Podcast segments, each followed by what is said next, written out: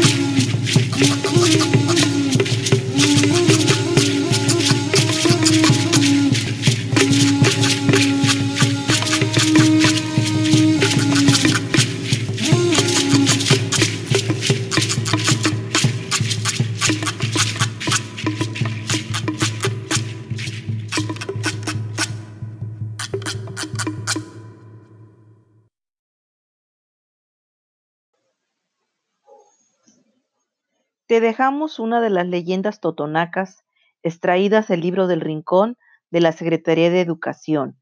Bien, la leyenda del Tajín y los siete truenos es una leyenda totonaca que explica cuál es el origen de los huracanes.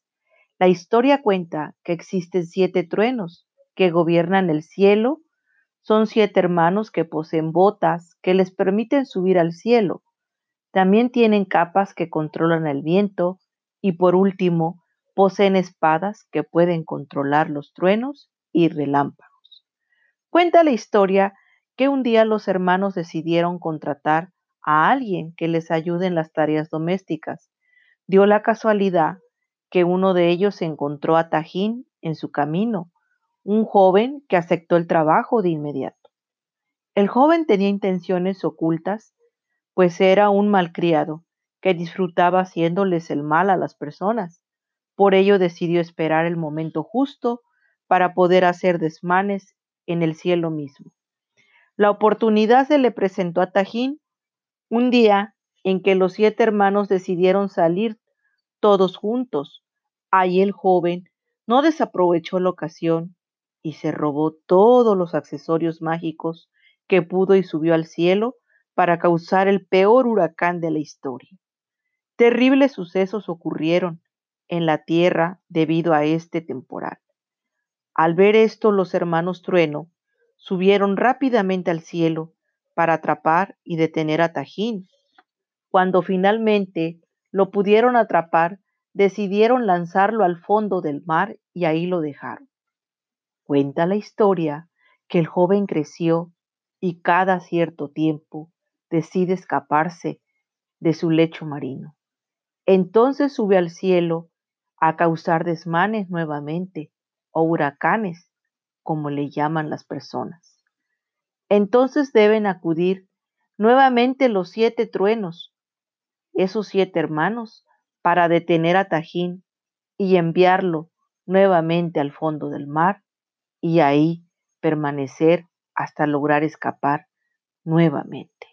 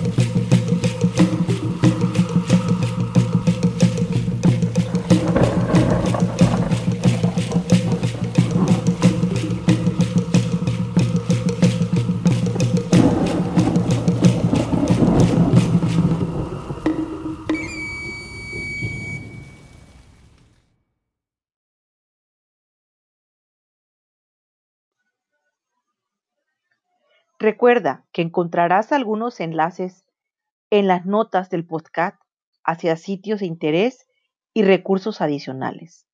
No olvides suscribirte al canal y compartir este podcast con el hashtag.